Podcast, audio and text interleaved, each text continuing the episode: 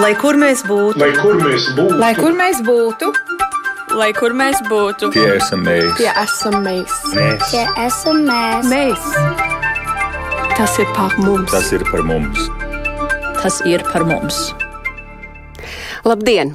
Iespējams, diasporas pārstāvjiem vīrusa ierobežojumus pārdzīvot ir vieglāk, jo viņi zina, ko nozīmē dzīvot izolācijā, jeb šai gadījumā es to domāju nošķirtībā no dzimtenes, bet vai tas tā patiešām ir, jo es to saku iespējamības formā, tas ir tas, ko mēs uzzināsim šodien, sazinoties ar diasporas latviešiem, lai uzzinātu gan kā viņi praktiski, gan emocionāli pārdzīvo stingros ierobežojumu laikus savās mītnes zemēs, tos starp arī Spānijā un Itālijā.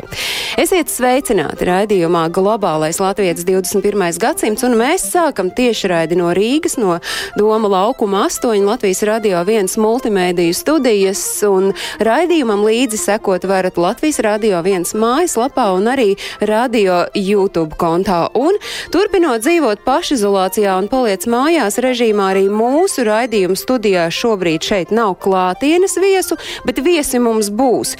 Un kā ierasts, tad viesi būs video zvanā, un es esmu īpaši priecīga par to, ka sarunai piekritusi Natālija Grebņeva, Latvieta, kura šobrīd dzīvo Spānijā, Alicantes provincē. Sveiciens, Natālija!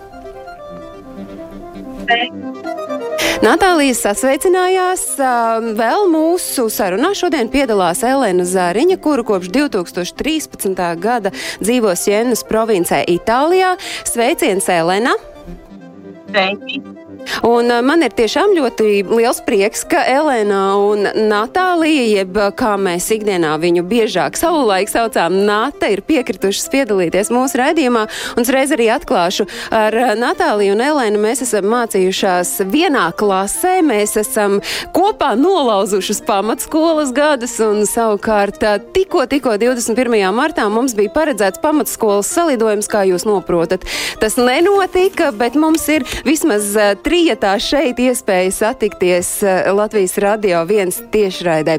Vēl šodien studijā es sveicinu viešņu no Francijas, kura strādā Šveicē, Ženēvā un ikdienu pavada starp divām valstīm, jo darba vieta ir Ženēvas Kliniskā universitātes slimnīca, kas ir vien 9 km attālumā no mājām Liene Pūķa. Sveicināta Liene! Labdien! Un, uh, Ceturtā studijas viesņa ir Eiropas Latviešu apvienības priekšsēdētāja Elīna Pinto. Sveicināti, Elīna, un Elīna šobrīd ir Vācijā, Berlīnē. Jā, sveiki visiem! Uh, Jūs katra esat uh, savā valstī, un uh, sākam ar to, ka droši vien jāsāk ar tām, kuras šobrīd dzīvo visstingrākajos ierobežojumos.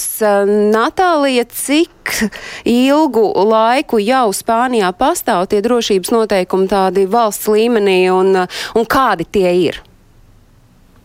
Šobrīd mēs esam stingrā pašizolācijā 16. dienu. Mēs nedrīkstam atrasties uz ielas. Uh, mēs drīkstam apmeklēt veikalu.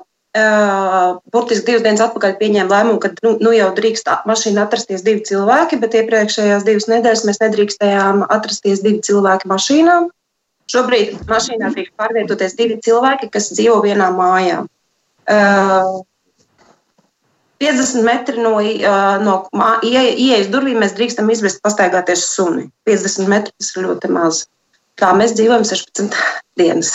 Sakiet, es esmu dzirdējusi tos stāstus par to, ka tagad uh, ir daži suņi, kuri vispār vairs negrib iet laukā, jo tā ir vienīgā iespēja, un cilvēki dalās ar vienu suni daudz dzīvokļu mājā, visi pēc kārtas iziet. Vai tie ir tikai tādi nostāsti, vai tas tā patiešām ir?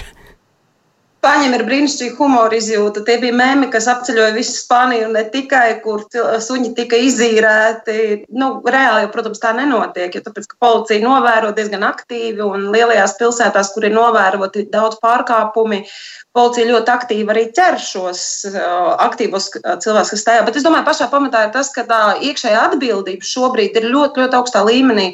Un uh, pie tās statistikas, ko mēs redzam, kā Spānijā attīstās vīrusu, cilvēki vienkārši baidās iet ārā.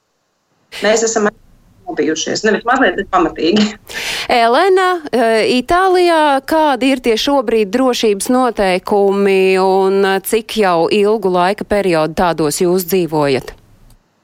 Um, ierobežojumi ir teiksim, ļoti līdzīgi tādi, kādi paši ir Spānijā. Arī teiksim, iziet no mājas ir aizliegts. Drīkstam iet iepirkties ne biežāk kā trīs reizes nedēļā. Mašīnā drīkstam braukt arī divi cilvēki, viens priekšā un otrs ir aizmugurē, protams, ar, ar cimdiem un aizsargmaskām. Uh, izvest dzīvniekus ārā nedrīkst tālāk no savas mājas pa 200 metriem. Tas mums ir bijis vairāk nekā natai.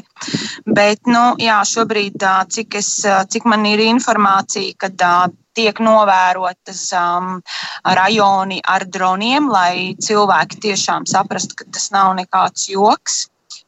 Nu, tā. Nata, jūsu ikdienu, jūsu ģimenes ikdienu, kā šie drošības noteikumi ir ietekmējuši, un uh, tu esi kāzu rīkotāja, un līdz šim tu esi strādājusi gan ar turistiem, gan ar uh, vietējiem precēties gribētājiem. Kā šobrīd notiek gan tīri praktiski tavā ģimenē, gan arī tavā biznesā?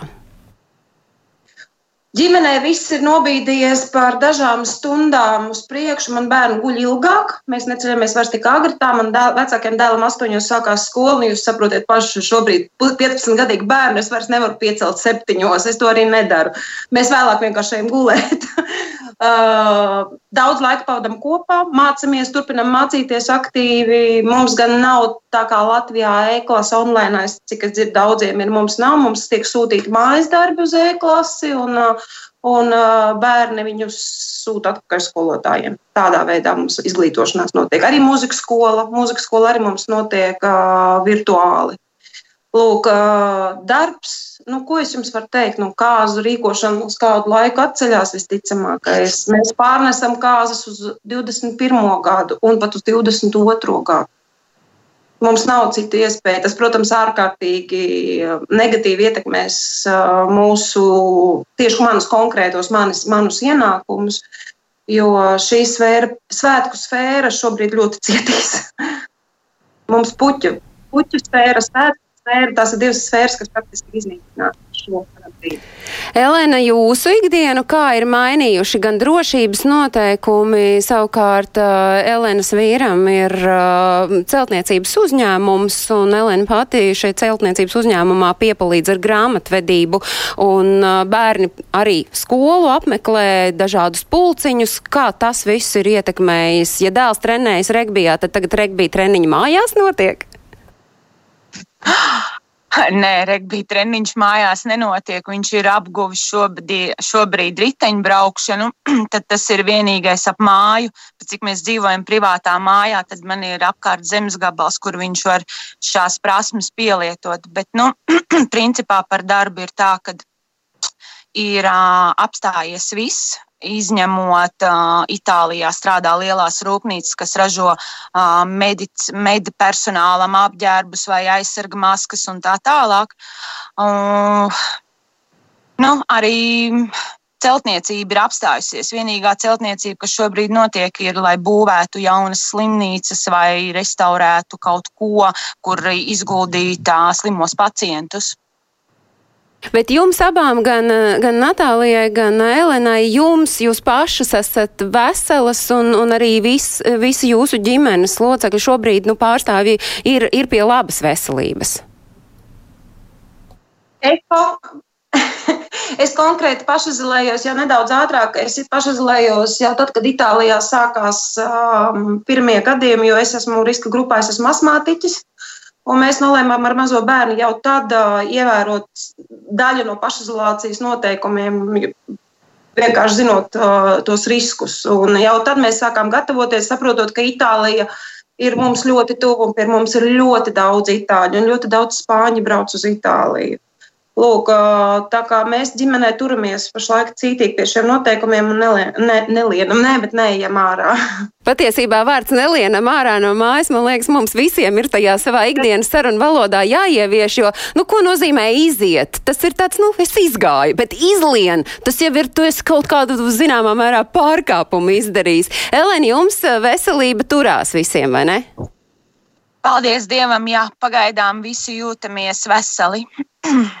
Tā arī novēlam, lai tas tā notiek. Mēs pēc uh, pavisam īsa brīža arī ar jums sarunu turpināsim, jo šobrīd es gribu noskaidrot uh, no Lienes, uh, kādi tad ir tie ierobežojumi Francijā, jo es sacīju, ka jūs dzīvojat Francijā, strādājat Ženēvā, tātad principā starp divām valstīm abās ir vienādi strikti noteikumi. Jūs arī esat šobrīd pašizolācijā, kādi ir tie no, no augšas noteiktie noteikumi. Jā, tas mūsu situācija ir samērā interesanti, jo patiešām mums darbojas divi noteikumi, gan no Francijas, gan no Šveices. Sākotnēji tas bija diezgan problemātiski, īpaši manam vīram, jo, jo Šveicē vēl nebija pieņemti tie īpaši striktie noteikumi, ka jāpaliek mājās un pēc iespējas jāstrādā no mājām. Savukārt Francijā bija. Un mūsu gadījumā skola un, un visas publiskās vietas ir slēgts jau no 16. mārta, un tad arī mēs esam mājās, un tā iziešana ir tikai vai nu uz veikalu, vai nu pie ārsta. Vai nu tiešām pastaigāt savu suni, vai arī doties palīdzību, palīdzēt kādam no saviem ģimenes locekļiem, teiksim, vecākiem, vecvecākiem vai, vai kādam citam. Savukārt, viss tas darbs mājās ir tiešām pārves, pārlikts uz to, ka um, maksimāli censties neiziet. Nu, tiešām tie, tās profesijas pārstāvji, kā ugunsdzēsēji, ārsti, māsīņas un tā tālāk veikalos, tie, kas strādā, tie arī, protams, drīkst doties uz darbu, bet nu, pārējie ir spiesti palikt mājās. Dodoties uz darbu, sakiet, dodoties uz darbu, jums ir jāuzrāda kaut kāda, nezinu, darba apliecība vai ir kaut kā jāpierāda, jo var jau būt, ka es. Jā, jā. Tas ir ārkārtīgi strikti. Tiešām policija arī to kontroli un īpaši uz robežas ir jābūt bezmazliet tādam ielūgumam, ielūgumam no darba devēja ne tikai līgums kā apliecinājums, bet arī tiešām apliecinājums no darba devēja, ka šobrīd aktīvi jūs strādājat tieši tajā vietā, bet pazuda mums Liene kaut kur. Liene, jūs mums Jā. drusku pazudāt, mēģināsim tos sakarus uzlabot un pievēršos tai brīdī uh, Elīnai. Elīna, Berlīnē jūs esat kādi nu, ir noteikumi Berlīnē dzīvojot. Liene mums uh, pārtrūka sakari, jūs kaut kur uzkārāties. Jā. Drusku nomierināsim tos sakarus un tad turpināsim. Tad Elīna, kāda ir jūsu ikdiena šobrīd? Jā, nu Berlīnē um, ierobežojumi ir. Um, teiksim, nav, tik, nav tik strikti kā mm, dāmām no dienvidiem. Līdzīgāk vairāk tam, kā Liena stāstīja, Šveices pieeja. Nu, arī mums ir uh, noteikti dažādu sabiedrisku pasākumu ierobežojumi, ir ciet. Uh, uh Veikali izņemot uh, nu, pārtikas un tādas pirmās nepieciešamības um, lietu veikalus, arī skolas ir cietas. Un iziešana ārpusē ir, nu, tā, tā ir jāpamato ar kādu konkrētu vajadzību, bet nu, šeit nenotiek tāda strikta uzraudzība. Policisti neprasa uzrādīt dokumentus. Vācijā jau vēsturiski tomēr ir arī liela pretestība šādiem nu, federāli noteiktiem cilvēku brīvības ierobežojumiem, ņemot vērā Vācijas sāpīgos vēstures pavērsienus. Un, neskatoties uz to, nu, pat valsts augstākajā kanclers līmenī ir tomēr uzsvērts tas, ka mums ir visiem šobrīd jāievēro maksimāla piesardzība un šī izolēšanās. Bet nu, tas, kas manā ikdienā ir mainījies, man mājās beidzot ir gan bērni, gan vīrs. ja es pirms tam kādreiz kā koķitēju ar to domu, ka es esmu šeit Vācijā dzīvojot tapusi par, par mājasēmnieci, tad tagad tiešām esmu esmu gan maisaimniece, gan maikalpotāja, gan maiskolotāja, gan mājas psihologs. Un nu, vienlaikus gan baudu to, ka esam kopā ar ģimeni, un vīrs strādā attālināti. Viņš ir diplomāts Luksemburgas vēstniecībā, bet var savu darbu veikt, palīdzēt luksemburgiešiem repatriēties uz Luksemburgu arī no mūsu mājām. Un, tad man 5 un 6 gadīgie bērni arī nu, kā, teiksim, mācās, cik nu, viņu vecumā tā ir mācīšanās, bet darbojamies no, no mājām. Es starp citu vakar runāju ar vienu savu draugu, kur teica, ka viņai ir mazliet kauns, jo viņai ir tāda sajūta, ka viņa šo visu ir pasūtījusi, jo viņa ir tik ļoti gribējusi, lai viņa var dzīvot mājās un, un būt ar vīru un bērniem kopā, ka viņa teica, man pilnīgi nu, tā neumolīgi palika. Tā kā uh, te ir tas stāsts par to, kādu viņa pasūtījumu savu laiku ir izdarījusi, bet Liene, jūs savukārt uh, strādājat slimnīcā, un tas nozīmē, ka jums uh, kaut kā nebūtu arī tāda dzīve ir uh, jāpierāda, ka jūs dodaties uz darbu, vai jūs nedodaties šobrīd uz darbu? Jā, šobrīd gan es nedodos uz darbu tieši slimnīcā. Es nestrādāju mm, teiksim, akūtajā medicīnā, es strādāju zinātnē. Tādēļ man tā iespēja strādāt no mājām šobrīd ir. Bet bija laika posms, kad es strādāju patiešām slimnīcā, un, un tad gan nu, būtu man jādodas tur. Bet šobrīd es strādāju vairāk pie viena zinātniskā projekta. Dzīvojot mājās, es vēršos atkal pie Natālijas, dzīvojot mājās eh, jau pietiekami ilgu laiku, nu jau trešā nedēļa ļoti string, stingros ierobežojumos. Kas ir tie jūsu rutīnas, eh, ikdienas rutīnas ieva, ieviesumi, jaunievedumi, kur iespējams iepriekš jūsu dzīvē nebija, un arī pārējām ir tieši šis pats jautājums, tā kā vienkārši sākam ar eh, Natāliju. Mēs trīs reizes dienā klājam skaistu galdu. Ar galdautu. Mums ir baltā galdauta svētki trīs reizes dienā. Uh, un klāja to bērni, un uh, mēs gatavojam ēdienu trīs reizes dienā svaigu ēdienu, jo, protams, darba dienās un darba laikā tas bija praktiski neiespējams. Bija viena ēdienreize kopīgi, tagad mums tās ir trīs ēdienreizes, un mēs atslēdzam pilnīgi visu. Ziņas, telefonus, tas brīdis mums ir trietā. Tētis mums ir iesprūdis Portugālē, Līdz ar to mēs, mums tēcis pieslēdzās tikai caur virtuāli ar mums kopā ēst pusdienas, brokastis, vakariņas. Mēs mācāmies, un mēs esam noteikuši konkrētus laikus. Protams, rutīna tas ir tas, kas palīdz. Mēs ceļamies, mēs velkam nost pidžamas, mēs apģērbjamies, lūpas krāsojam. Savādāk nevar. Sieviešu žurnālā tikko pagājušajā nedēļā bija modes lapā pidžamas glītas. Nu, tas tad, ja tu gadījumā nolem tomēr nepārģērties un dzīvot pidžamas režīmā. Elena, jūsu mājās kādi ir tie izstrādātie uh, ikdienas darbi, no kuriem jūs neatsakāties, un tas ir tas, kas iespējams palīdz šobrīd saglabāt veselo saprātu? veselo saprātu, droši vien, ka palīdz optimisms. Mm, es esmu tiešām šobrīd pateicīga tam, kad varu būt kopā ar savu ģimeni. Tas ir liels plus. Arī droši vien šī vēlme bija man ļoti spēcīga. Kā mēs pavadām ikdienu, kā Nata ir galdauts svētki, bet nu, arī trīs reizes dienā gatavojam ēdienu, taisam makronus, ko es ikdienā mm, nespēju pieķerties, jo tas ir laikietilpīgi. Uh, gatavojam saldos, dejojam vakaros. Jā, starp citu, tie, kuri grib redzēt, kā Elena ar savu vīru dejo, tad ir jāpiesako viņiem Facebookā, jo tā deja ir vienkārši brīnišķīga. Vīrs uzliek mūziku, un viņi abi divi vienkārši mājās dejo. Vēl kas ir tāds, ko jūs darāt, ko jūs iespējams iepriekš nedarījāt? Es varbūt konkrēti nē, bet man lielā meita, kurai ir 14 gadi, ar vīru ir katru rītu un katru pēcpusdienu pasākuši iet, teiksim, mazā krosiņā paslepus, teiksim tā, pa cik tas, tā distance būtu, drīkst būt 200 metri, bet mēs esam laukos, tad mēs pa kluso staigājam riņķīšus mazliet lielākus. Tas ir tāds pluss Amēlijai, kur ikdienā, teiksim, bija tikai skola un māja, tad šobrīd viņa ir svaigā gaisā. Tas ir tas lielākais pluss šobrīd. Liena, jūsu māju tāda rutīna, ko esat ieviesuši? Un uh, droši vien jūs no savas skatu punkta raugot mēs... arī varat pateikt, kāpēc ir svarīgi, ka tiešām ir šī rutīna, ka tas ļauj saglabāt to vēso prātu.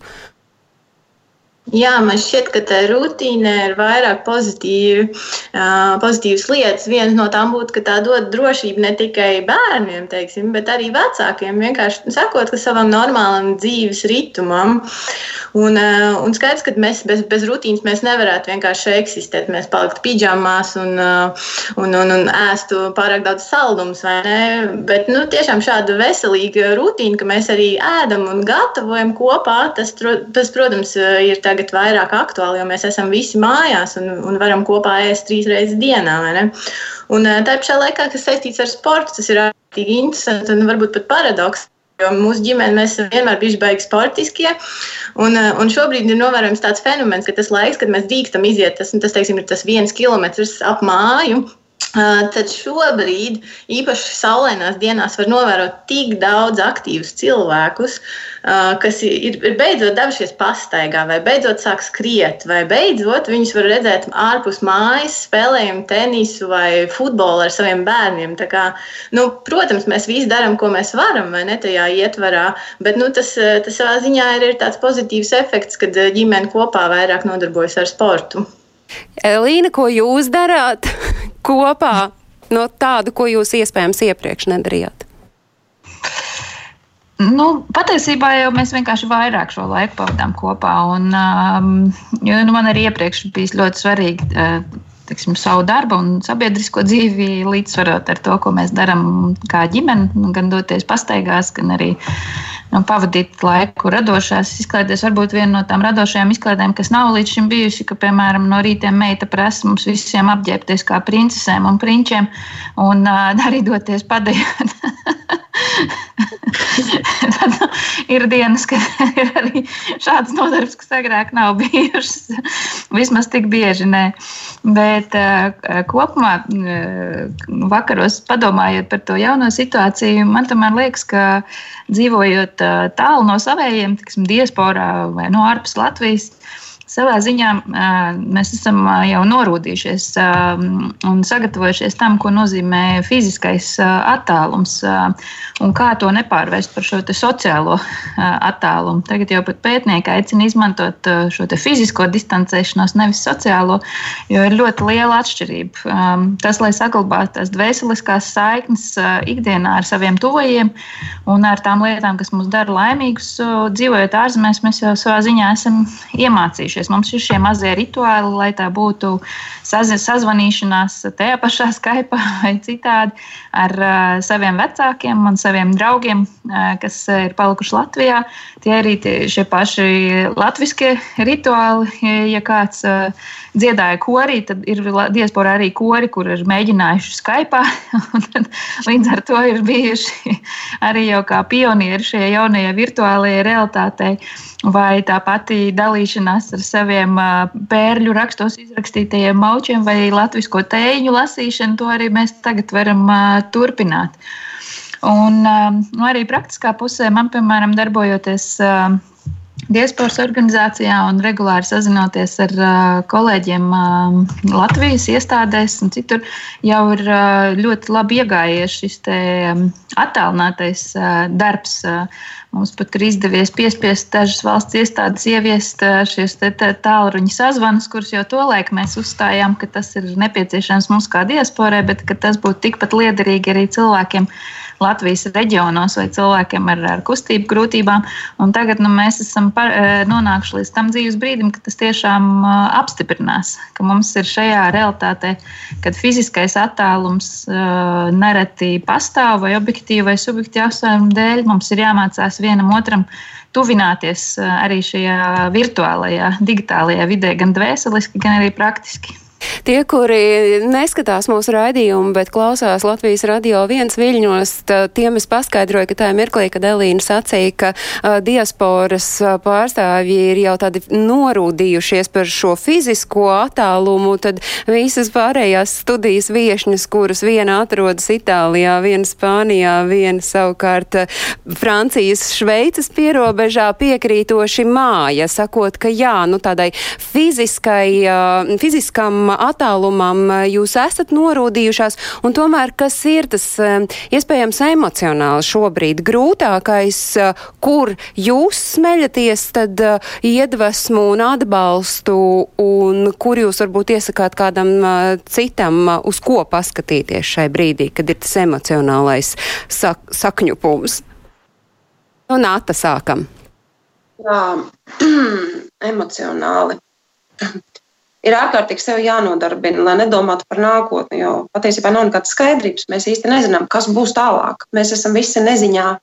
Mēs varam tikai uh, lasīt vai paši izdomāt kaut kādas um, iespējamās nākotnes aprises, Jo neviens, neviens nebija gatavs. Neviens pat, vis, pat visgudrākie zinātnieki nebija gatavi tik straujai vīrusu attīstībai.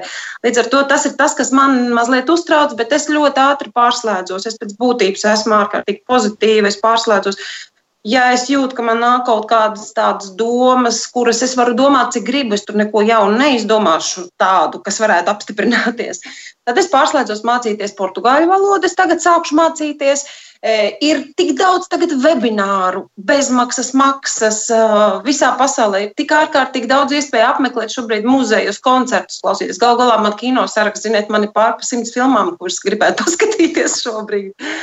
Un tas viss ir tas, kas mūs uztur. Un obligātais zvans mammai un ģimenei mēs tik daudz neesam nekad sazvanījušies, kā mēs tagad sazvanamies. Mums tagad tiešām ir tāda pilnīgi daudz ciešāka tā saikne izveidojusies. Proti to fizisko attālumu aizstāt ar, ar šo virtuālo tuvumu. Un runājot vēl arī piebilstot to, ko Elīna teica par to, ka kora mēģinājumi notiek online. Vakar vakarā ar savas jaunākās meitas krustmāti sazinājos, kur dzīvo Briselē. Viņa saka, es tūdaļ varēšu rūtai lasīt pasaku, be, jo man tikko, tikko beidzās Briseles latviešu teātra mēģinājums online. Tā kā šis ir tas, ka mēs eh, tik ļoti veikli apgūstam daudz dažādu prasmju vai arī to ieviešam savā ikdienā, ko iepriekš mēs uzskatījām par tādu retumu. Elena, jūsu mājās, tad nu, kas ir tas, varbūt, kas ir tas emocionālais fons, kas varbūt reizēm neļauj to optimismu saglabāt, un kur tad jūs savukārt to smeļaties? Jāsaka tā, ka um, um, es šobrīd kaut kā savās mājās neizjūtu, kad mēs būtu tā kā mazliet pesimistiski. Um, nemāku pateikt, vai tas ir atkarīgs no uh, rakstura, vai tas ir atkarīgs, uh, ka mēs cenšamies viens otru uzmundrināt. Nevis teikt, ka viss būs kārtībā, jo patiešām neviens nezina, kāda būs rītdiena. Um, Godīgi es cenšos nedomāt, kāda būs rītdiena. Es patiešām izbaudu un dzīvoju tas, kas man ir šodien. Jo, tā kā Nata teica, mēs nezinām, kas būs rīt, vai pēc mēneša, vai pēc gada. Un, varbūt tā ir arī labāk. Tad, kad man, man paliek vairāk skumji, laikam, vakaros, tīri emocionāli, kad es ieslēdzu ziņas, jo tas ir vienīgais, kad es skatos televizoru, tās ir ziņas.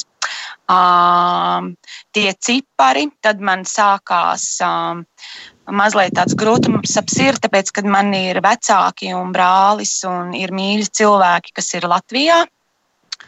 Un tad man gribās viņus pasargāt, pamācīt, kā darīt, mazgāt rokas, nevazāties pa veikaliem, ieturēt distanci no cilvēkiem. Tas laikam ir tas, ko es varu darīt šobrīd tikai virtuāli. Bet cerams, ka viņi taču jūs uzklausa, ka viņi sadzird, un es ceru, ka tas, ko tagad saka Elena, un ko droši vien arī tūlīt Liena varētu papildināt, ka jūs ar to savu līdzinējo pieredzi, īpaši tur, kur ir jau tādi ļoti strikti noteikumi, un kur tiešām ir uh, vīrusu izraisītā saslimšana prasījusi tik ļoti daudz upuru, tad jūs esat tie, kuros vajadzētu ieklausīties, ko mums nedarīt, lai mēs Latvijā tādā situācijā nenokļūtu. Bet, Liena, kas ir tas, kas jūsos nu, tādu emocionālu grūtumu iespējams ievieš, un jūs noteikti arī varat palīdzēt un saprast, kas ir tie uh, rīki, ko ņemt tajā brīdī palīgā, ka tu jūti, ka nu, sirdi nospiež, nezinu, varbūt nā, tā nevarētu būt gluži panika, bet tāda viegla trauksme vai viegls uztraukums. Jā, noteikti šajā situācijā tas absolūti nav vienkārši. Bet, eh, kā jau iepriekšējās uh, sarunas dalībnieces minēja, tad vienkārši tiešām uh, soli pa solim dzīvot šodienā. Tas ir viens veids, kā sev palīdzēt, un otrs, protams, kad palikt optimistiskam, rūpēties par savu veselību, jā, darīt to, ko mēs varam, to, ko mēs zinām, kā mēs varam gan sevi, gan savus tuviniekus pasargāt no vīrusu izplatības, būt teiksim, tā, reāli rīkoties tajā ietverā, kurā mēs varam to izdarīt. Kas vēl ir ārkārtīgi interesanti, ka šajā laikā es bieži vien sazinos ar saviem kolēģiem, gan Latvijā, gan, gan arī Vācijā un citur, kur pasaulē. Un, un tas ir interesanti saprast, ko viņi dara un kā, kā viņiem iet ar vīrusu izplatību. Un, un mēs varam apvainīties viedokļiem un, un, un kaut kādām ārstēšanas metodēm un arī sava veida padomiem, jo patiešām mēs šeit Eiropas dienvidos bijām skār, vīrusu skārti vispirms, un tagad tas, tas vilnis tā kā tuvojās vairāk uz Ziemeļvalstīm un arī uz Latviju. Līdz ar to ar tām savām pieredzēm un, un to lietu, ko mēs jau esam darījuši šeit, mēs varam dalīties ar saviem tuviniekiem, radiem, draugiem, paziņām Latvijā. Tādā veidā, teiksim, patiešām pirmkārt gan iedrošināt cilvēkus, otrādi gan uh, ieteikt viņiem to uztvert patiešām nopietni, jo tā problēma tāda, ka uh, pašā sākumā pilnīgi neviens varbūt to, nu, teiksim, ka tas viss notika Ķīnā, neviens to neuztver nopietni, un tad, kad tas pamazām sāk tuvoties Eiropai, ne, tad uh, viena valsts, otra valsts, trešā, un tad patiešām visi saprat, ka tas nav šoreiz joks, un tā nav tikai gripa, vai ne. Līdz ar to uh, ir absolūti nepieciešams uh, ievērot visu visus drošības pasākumus, lai vīrus neizplatās. Cerams, ka jūs sadzirdēja, Elīna, jums uznāk nu, tāds emocionāls pārdzīvojums saistībā ar šo visu.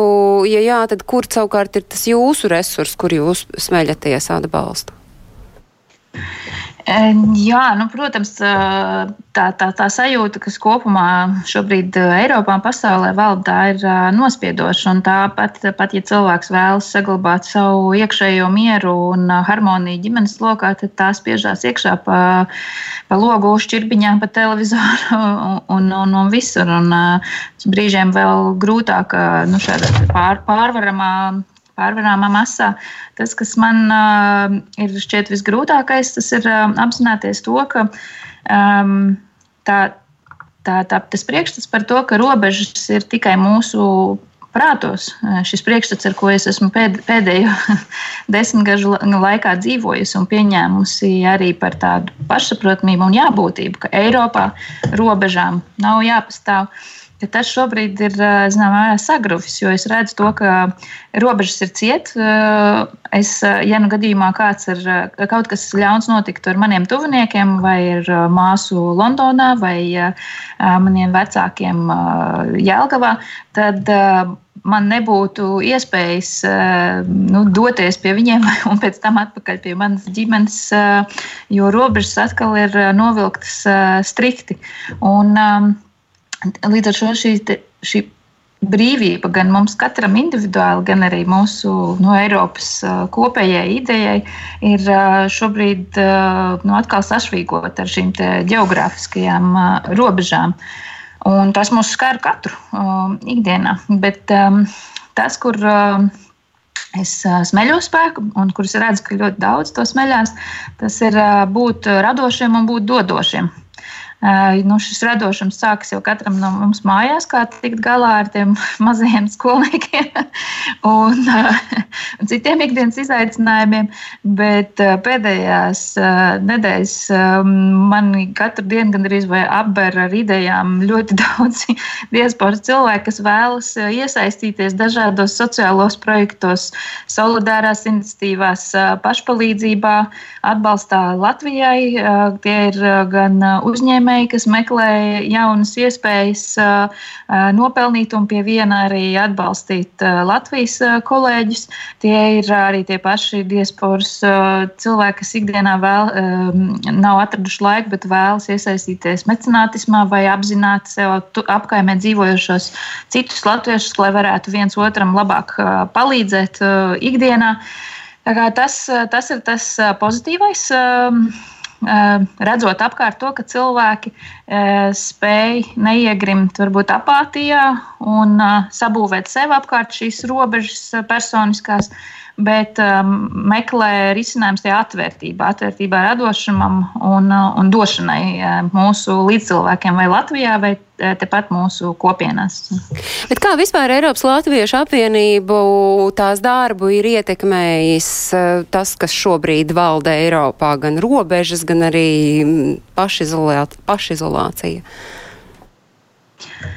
Nu, kā, kā organizācija mēs jau esam tāds kā tīklojums, kas pārklāja visu Eiropu. Līdz ar to ikdienā mēs tāpat viens ar otru sazināmies attālināti. Tātad mēs jau zināmā mērā bijām gatavi. Mums gan katru gadu ir paredzēta klātienes kopā sanākšana. Šogad tai vajadzēja notikt pirms divām nedēļām Vācijā. Un to mums nācās atcelt pēdējā brīdī, jo varēja gadīties, ka citādāk mēs tur visi paliekam arī uz nenoteiktu laiku. Tāda superlatviešu komunā. um, bet šobrīd mēs tiešām redzam to, ka tā rosīšanās uz vietām nu, neatslāpst. Ir latviešu skoliņas, pat tās, kuras līdz šim nebija mēģinājušas attālināt mācīšanos, arī tās to ievieš.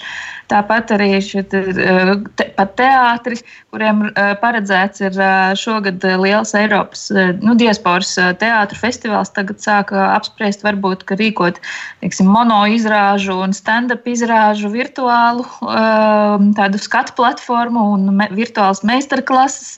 Arī uzņēmēji, kas veido savus klubus, rīko digitālas apspriedes par to, kā savstarpēji palīdzēt.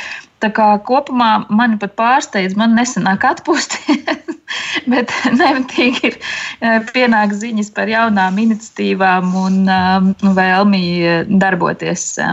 Tas viena pēdējā lietiņa, ko es gribēju piebilst, man liekas, ka tas, ko arī ļoti var redzēt, ka tie cilvēki, kur ir šie radošākie un varbūt nu, tādi, kas izrāda proaktīvu tādu iniciatīvu, Tie spēja to atļauties arī tāpēc, ka lielā daļā no šīm valstīm ir tomēr sakārtot šī sociālās drošības sistēma. Jo Latvijā, kur šīs drošības tīkls ir tik lieliem, tādām lielām acīm, cilvēki var tam izkrist cauri šajā situācijā. Darbošanās drīzāk ir nu, jau ar tādu panikas piegaršu. Cilvēkiem jādomā par savu iztiku, kā viņš spēs nopelnīt, kā spēs uzturēt savu ģimeni. Un, nu, kamēr daudzās Rietumē Eiropas valstīs tomēr ir šī drošības sajūta, ko dod gan bezdarbnieka pabalsts, gan arī cita veida nu, valsts atbalsta um, tīkli, kas jau ir pastāvējuši. Tas nozīmē arī pārējām sarunas dalībniecēm, tostarp arī Elēnai, kura ir saņēmusi ziedus uh, tiešraides laikā. Jūs uh, jūtaties nu tādi droši un stabili šobrīd, uh, dzīvojot katra savā mītnes zemē?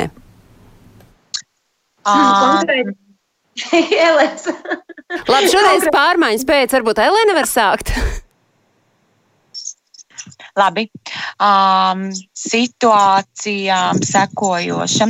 Um, savā mājā šobrīd jūtos teiksim, nu, nodrošināta. Um, cik es um, zinu un esmu klausījusies arī ziņās, kad ir tā, ka valsts um, domā par saviem uh, valsts iedzīvotājiem, kā viņiem palīdzēt, uh, cilvēkiem šobrīd, kuriem nav darbs, līdz ar to viņiem arī nav ienākumi.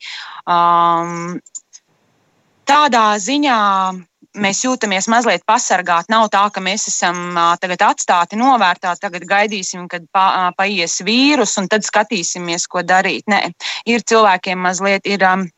Tāda drošības sajūta, tāds drošības spilvens ir, teiksim, cik man ir informācija, arī ikdienas lietas, bez kā mēs nevarētu dzīvot. Elektrība, gāze, ūdens ir atlikti maksājumi šobrīd līdz 31. maijam, kas nav mazsvarīgi. Uh, arī īres maksas, ne tikai cilvēki, kur dzīvo savos dzīvokļos vai mājās, bet arī īres dzīvokļos. Arī no tā viedokļa ir padomāts, ka šobrīd visi šie maksājumi tiek atlikti un kad valsts sola šobrīd atbalstīt šos cilvēkus, kas tiešām ir grūtā situācijā. Natālija. Mēs vēl gaidām daudzas atbildes par elektrību, ūdeni un nu, vispār. Jūs saprotat, paši dzīvojot mājās, 16 dienas neizējot no mājas, elektrības patēriņš ir vienkārši ārprātīgs.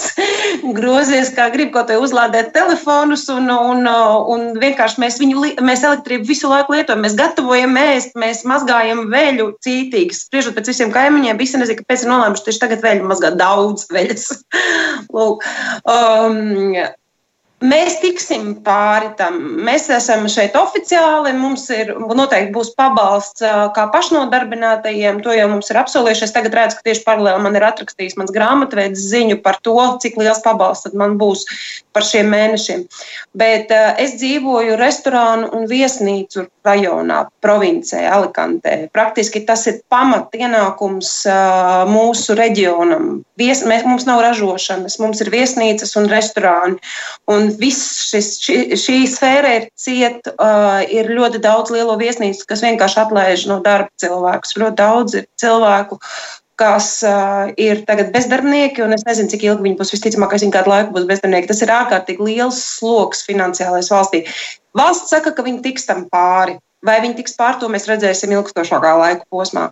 Plus pie vis tā mums ir ļoti liels sloks ar uh, nelegālo imigrantu vajadzībām, jo viņu arī ir ļoti daudz šeit. Tie, kas šeit strādāja nelegāli, joprojām viņu ir pietiekoši daudz. Un, uh, viņi ir visneapskaužamākajā situācijā, jo viņiem ienākumi vairs nebūs nekādi šobrīd. Un viņi arī nevar nekur aizbraukt. Skatoties uz jums, klausoties jūsos, es saprotu, ka pāri visam tāds latviskais spīts jau nu tomēr te palīdzēs jums saglabāt gan smaidus, jo visas četras studijas viešņas smaida. Pavisam īsi mēs jau esam iztērējuši raidījumam atvēlēto laiku. Katra burtiski vienā teikumā, ko jūs novēlat sev un ko jūs novēlat visiem, kuri klausās šo raidījumu. Globālais Latvijas 21. gadsimts visā pasaulē, visiem latviešiem, tostarp arī tiem, kur šeit Latvijā klausās. Sākam ar Elīnu. Jā, paldies. Es gribētu novēlēt pirmkārt visiem veselību un arī nu, mūžu garu un uh, savstarpēju atbalstu, kur tas ir uh, iespējams. Es domāju, ka šis būs arī interesants brīdis mums visiem un svarīgs brīdis, lai arī ne tikai cīnītos ar šodien, bet kādā brīdī sāk domāt par to, kādu sabiedrību mēs vēlamies veidot uh, rītdienai, parītdienai, kurā uzaugs mūsu bērni, un lai tā būtu drīzāk balstīta šajās vērtībās, kas ir savstarpējā pleca sajūta un uh, atvērtība ar, arī jaunajiem. Elena?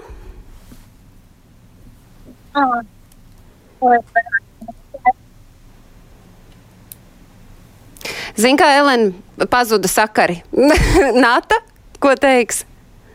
Es vēlos arī, protams, visiem novēlēt veselību, novēlēt spēju redzēt, ko labu mums nes šis vīrus. Tas notiek šobrīd dabā, manā reģionā, tas ir fantastiski. Paržo gaļu. Mums ir klusums apkārt tādu, mēs nekad neesam dzirdējuši. Tas ir liela vērtība un novēlēt, spēt, novēlēt spēt um, redzēt citu kļūdas un mācīties no citu kļūdām, nepielaižot pašiem šie kļūdas. Ļoti, ļoti uzmanīgiem un dzirdēt to, ko mēs stāstam par savu jau nevisai nejauko pieredzi. Paldies, Nāta, tātad klausīties tajā, ko saka visi citi, un Liena tad pavisam noslēdzošie vārdi. Jo vispār visiem sakari sāk pazust, neskapēc. Jā, es arī absolūti noteikti novēlu visiem veselību, pozitīvu garu, nodarboties ar sportu, stiprināt savu imūnsistēmu un palikt mājās. Jā, darboties ar sporta dārzā. Jā, palikt mājās, tas ir atslēgas vārds, ko mēs dzirdam ikdienas arī šeit Latvijas radio viens klausītāji.